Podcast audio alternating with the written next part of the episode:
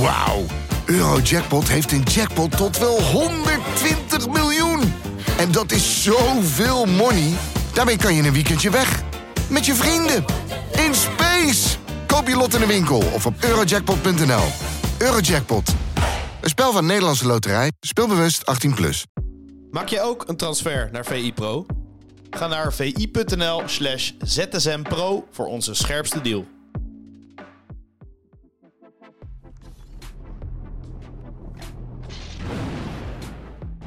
Pieter, goedemorgen. Goedemorgen Jarno. Ben je een beetje bijgekomen van de Champions League avond van dinsdag? Nou, je moet het doen zoals Real Madrid het doet. eh, een kopje koffie eh, nemen. Dat was, eh, dat was een paar jaar geleden. Was dat de verklaring voor Pep waarom het maar niet lukte voor City in de Champions League. Dat hij zei, ja, teams zoals Barcelona, maar vooral Real Madrid noemde hij die. Als het slecht gaat, dan nemen die gewoon rustig. Een kopje koffie. Even die fase overleven. En weer door. Ja, en daarna kun je weer door. Zo kom je eigenlijk de podcast met mij ook een beetje door. Nou, zo, zo, zo kom ik deze ochtend ook door. Ik, ik Ja. probeer in mijn hoofd het te doen als eh Real Madrid. Ja. Dus als je even denkt, oh, ben ik toch niet een beetje moe? Nee, rustig, kopje koffie. En dan uiteindelijk eh, komt het wel goed. Ja, om een beetje duidelijk er even bij het verhaal. Manchester City begon echt waanzinnig goed. Zette goed druk, was dominant in balbezit. En dan zie je vaak stress bij een tegenstander ontstaan. Nou, dat zagen we allerminst bij Real Madrid. Ja, het is fascinerend eh, hoe, hoe dat kan lopen. Want inderdaad, als je die openingsfase pakt, je zit er van tevoren ook een beetje over te denken. Ja, kan het dat ze er overheen walsen? Wayne Rooney zei natuurlijk, wal, ze walsen er overheen. Nou, Pep werd daar de afloop ook mee geconfronteerd. Die zei, eh, ja, ik weet niet wie dat jullie wijs gemaakt heeft... dat wij er even met 6-0 van eh, gingen winnen. Maar zo werkt het niet eh, tegen Real Madrid. Het is eigenlijk een hartstikke goed resultaat voor ons. Maar dat verschil was natuurlijk wel. Ik bedoel, City die gaat waarschijnlijk kampioen worden in Engeland. En Real Madrid, ja, die zijn echt dolend. Die hebben de wedstrijden tussen zitten. Dan krijgen ze in La Liga krijgen ze er vier tegen. En als je dat doortrekt naar de Champions League, denk je, nou, poeh, dat zou hier ook wel eens helemaal fout kunnen gaan. En tegelijkertijd weet je dat het niet in de Champions League helemaal fout gaat. Omdat ze die vaardigheid hebben met elkaar. En dat ze weten, oké, als wij allemaal ons ding doen, dan kunnen wij zo'n slechte fase met elkaar overleven. En dan kunnen, ik bedoel, we hebben natuurlijk ook die wedstrijd gezien tegen Liverpool. Dat was denk ik dit seizoen Ja. daar ook een fantastisch voorbeeld van. Staan dan binnen een kwartier 2-0 achter. En als dat City overkomt, die, die imploderen en die gaan dan gewoon met 4-5-0 gaan ze eraf. Een heleboel teams gaan er met 4-5-0 af. En Real Madrid heeft dan het vermogen om te denken... oké, nou ja, 2-0 achter is ons vaker overkomen in de Champions League. Rustig gaan, we moeten nu vooral Ja. niet te veel eh, weggeven. Even dit overleven. En dan is er wel weer een kans dat we terug kunnen komen in deze wedstrijd. En dat was nu ook... En nu kreeg ze niet eens de tegendoelpunt. Maar het was wel weer zo'n fase waar het eigenlijk niet loopt. Ze probeerden wel op te bouwen, maar ze kwamen er niet onderuit. Ze probeerden wel druk te zetten, maar ze kregen de druk er niet op. Eigenlijk lukte helemaal niks voor Real Madrid. Maar het enige wat wel lukte, is dat ze wisten... oké, als we het heel klein houden... en we hebben Thibaut Courtois op de doellijn staan... ja, dan moeten ze nog maar zien of ze Ja, één en- keer scoren. En Vinicius aan de andere kant, Pieter. Want, want er zijn wel momenten dat hij zo gevaarlijk is. Eerst dan dat, dat moment met, met, met Diaz, die hem op een gegeven moment die waanzinnige voorzet. Hij is, hij is er door op links, Diaz haalt hem weg, maar dat doelpunt. We hadden het er net voor de uitzending Ja. heel kort over van... van in wat voor sneltreinvaart dat gaat. Dat ja, City zet gewoon goed druk. Kamavinga heeft de bal. De slimmigheid, de Ja, snelheid van handelen, positie kiezen.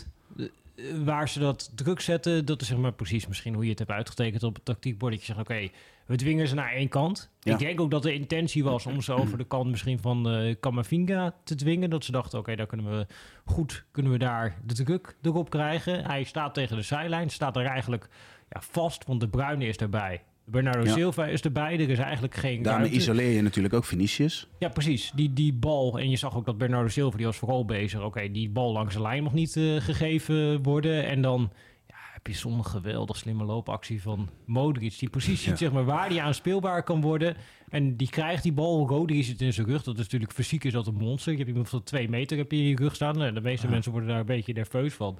Maar die Modric, ja, denk ik, buitenkant rechts geeft hij met heel veel gevoel meteen mee. En Camavinga, die loopt weg uit de rug van Bernardo Silva. En daar hadden we het ook over. Van, dan lijkt het een counter. Maar als je terug gaat ja, kijken, het, precies. het is een aanval die begint bij Thibaut Courtois. Dus het, het is gewoon een opbouw vanuit je eigen 16, 4 je keeper, het hele Ja. veld over naar eh, de helft van de tegenstander. En ook hoe Vinicius dan precies op dat moment, want Rodri is dus weg, want die is met eh, Modric eh, is hij mee geweest.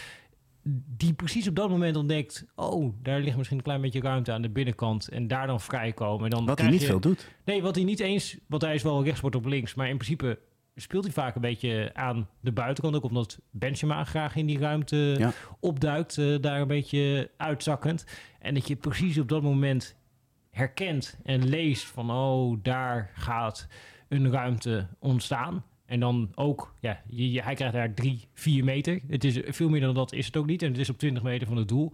Als je dan zo binnen ranselt, ja, dat laat wel zien die ja, exceptionele kwaliteiten van Real Madrid. En waarom dit team zo goed is in de Champions League. Dat je toch een heleboel spelers hebt die zo lang met elkaar samenspelen. Ja. Dat ze op het veld zelf de oplossingen kunnen vinden. Waar je bij City veel meer een team hebt. En in die zin is ook wel een interessante contrast ter stijlen. Waar zeg maar ja, de trainer dus bijna met de joystick zeg maar dat is ze bestuurt. En dit is een ja, zelfsturend team, dat Real Madrid.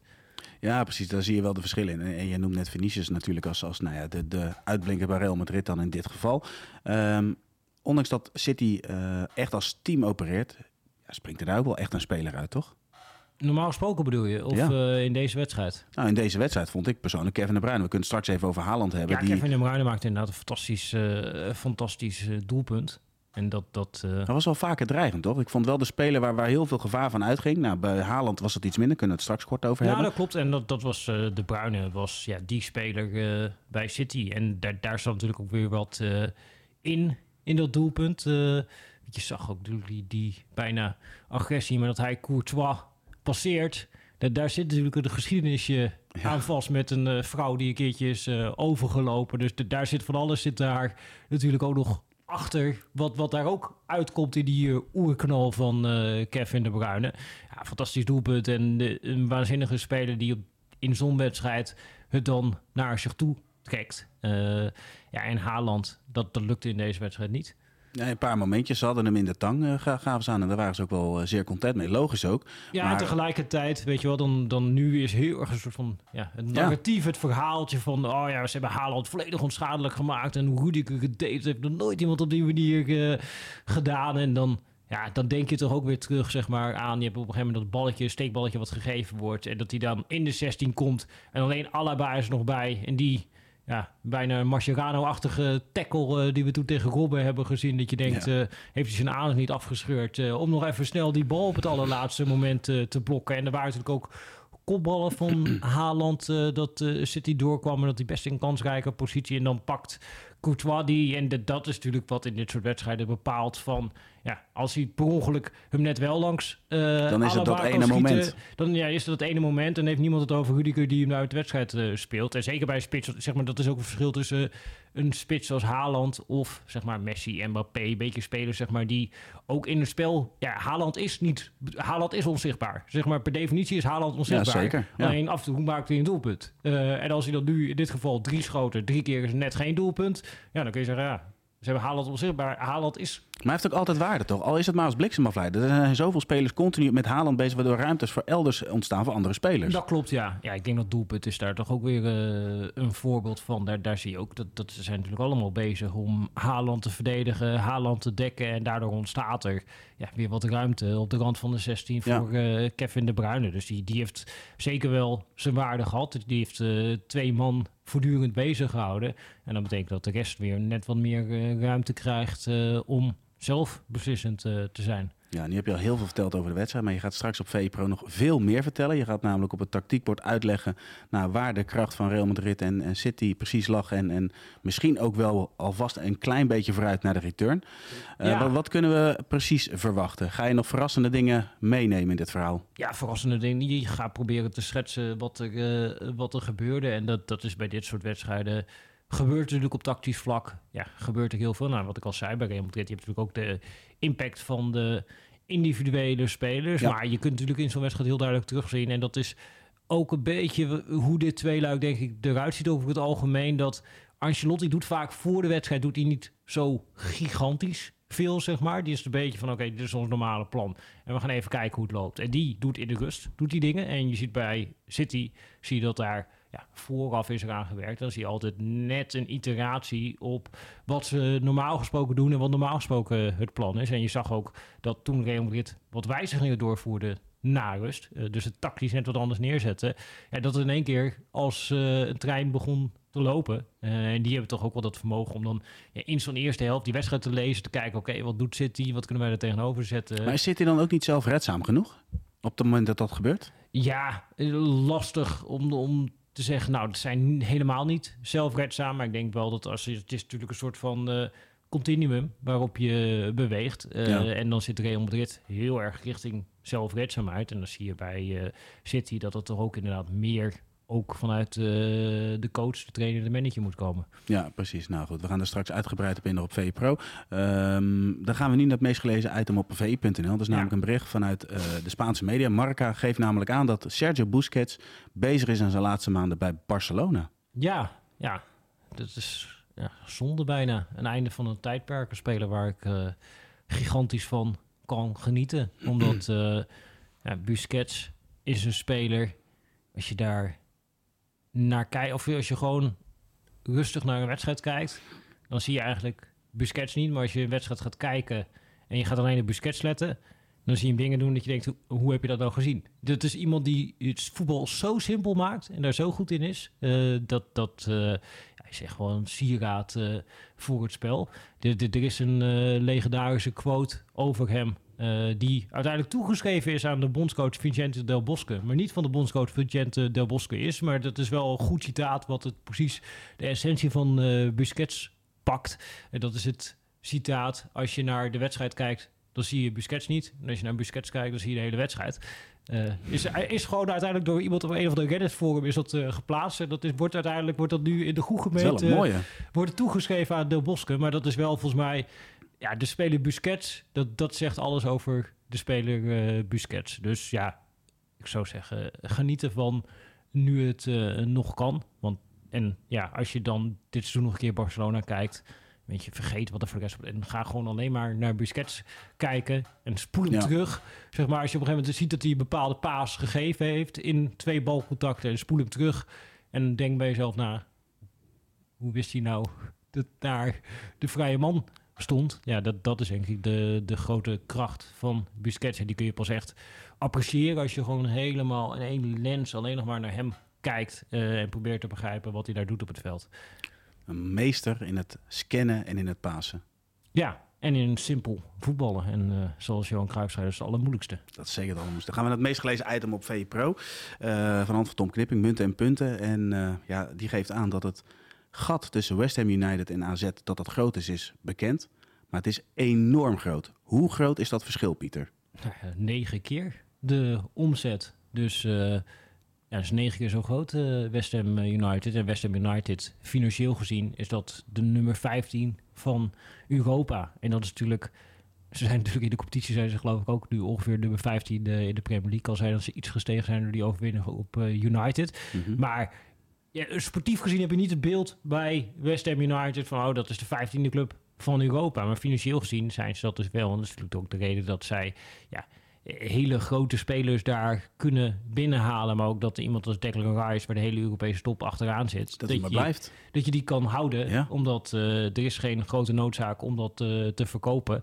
En ja, in Nederland is natuurlijk ook lust gesproken over het, de verhouding tussen Ajax en de rest van de competitie. Eh, is dat nog wel eerlijk? Kan het de Bayern München van Nederland worden? Maar daar staat West Ham, die staat dan nog ver boven, boven de budget eh, die Ajax heeft. En dat, dat is toch ook wel iets ja, om in je achterhoofd te houden als je naar die wedstrijd eh, kijkt. Dat, nou, wij hopen natuurlijk in Nederland dat eh, AZ het flikt. Eh, ik denk ook als Nederlanders straks naar West Ham gaan kijken... vanwege hun speelstijl die direct is, die fysiek is... Nou, dat, dat je snel de indruk kan krijgen... Maar die kunnen er niks van. Of in ieder geval in de Nederlandse opinie Ja, kunnen, ja, kunnen die er niks van. Maar het, er staan wel echt kwaliteitsvoetballers op het veld. En ja, dat, dat ga je ook wel weer eh, terugzien. Ze hebben heel veel spelers op het veld die ja, uit de niets een wedstrijd eh, kunnen beslissen. Zoals ook die Ben Rama, die maakt natuurlijk dat doelpunt tegen United met die gigantische blunder van eh, David de Gea. Maar dat is wel een top, top, top speler. Zoals ook Paqueta. En dat is ook een weergaloze voetballer. Er zou ik er wel meer noemen bij eh, West Ham. Dat er gewoon ja, heel veel kwaliteit... Iemand als Lanzini bijvoorbeeld, die, die speelt wat meer in Europa, bijna niet in de competitie. Maar dat is natuurlijk ook een Mooie speler hoor. ja, verfijnde Oh. speler die uit het niets een wedstrijd eh, kan beslissen. En daar, daar kunnen ze een heel blik van opentrekken bij eh West Ham. Dus de, Tom die schetst ja, de financiële situatie die erachter zit. Eh, en ja, dat is eigenlijk een buskiet eh voordat je naar die wedstrijd gaat kijken. Hij maakt het heel interessant toch, Pieter? Want in de periode van, van, van Ajax hebben we natuurlijk ook in de Champions League periode steeds die, die vergelijking gemaakt. Johan Cruijff ooit gezegd dat hij nooit een zak geld heeft zien scoren. Maar die verschillen, het is juist wel goed om aan te geven hoe knap de prestatie is op het moment dat je dus wel stunt tegen Ja, West Ham. United. En als je het überhaupt al zo moeilijk maakt, eh, Ja. dat laat zien hoe goed jij dan eigenlijk beleid gevoerd hebt. Dat je met een veel kleiner budget toch kan wedijveren met deze ploegen. En dat je misschien wel deze ploeg kan uitschakelen op weg naar de finale. Ja, dat laat zien dat er eh, in Alkmaar dan dingen goed zijn gegaan. Ja, precies. Nou, voor al het nieuws uit Alkmaar, we hebben de mannen eh, in eh, Londen hebben we zitten met Simon Zwartkruis, Kaloen van eh Oudheusden. Die gaan alle updates delen op de verschillende kanalen. Jij komt natuurlijk met een tactische analyse na de wedstrijd. En vooraf, als de mensen dat willen weten, staat er ook al op. Dus ja, wat ze van West Ham kunnen verwachten. Op alle kanalen zijn ze volledig voorbereid op wat er gaat gebeuren. Het is toch weer een halve finale van de Conference League. ik was er vorig jaar bij toen met Feyenoord tegen Marseille. En dat, ja, het is natuurlijk een nieuw toernooi, maar het is wel even wat. Eh, en nu ook eh, in het Olympisch Stadion in Londen zo'n wedstrijd spelen. Daarna in Alkmaar die tweede halve finale. En dan eventueel een finale waar ze naartoe gaan. Ja, dat, dat is iets om je gigantisch op te verheugen. Kortom, weer een prachtige voetbalweek. Heerlijk, ik heb er zin in. Precies. Pieter, dankjewel en eh, tot ZSM. Tot ZSM.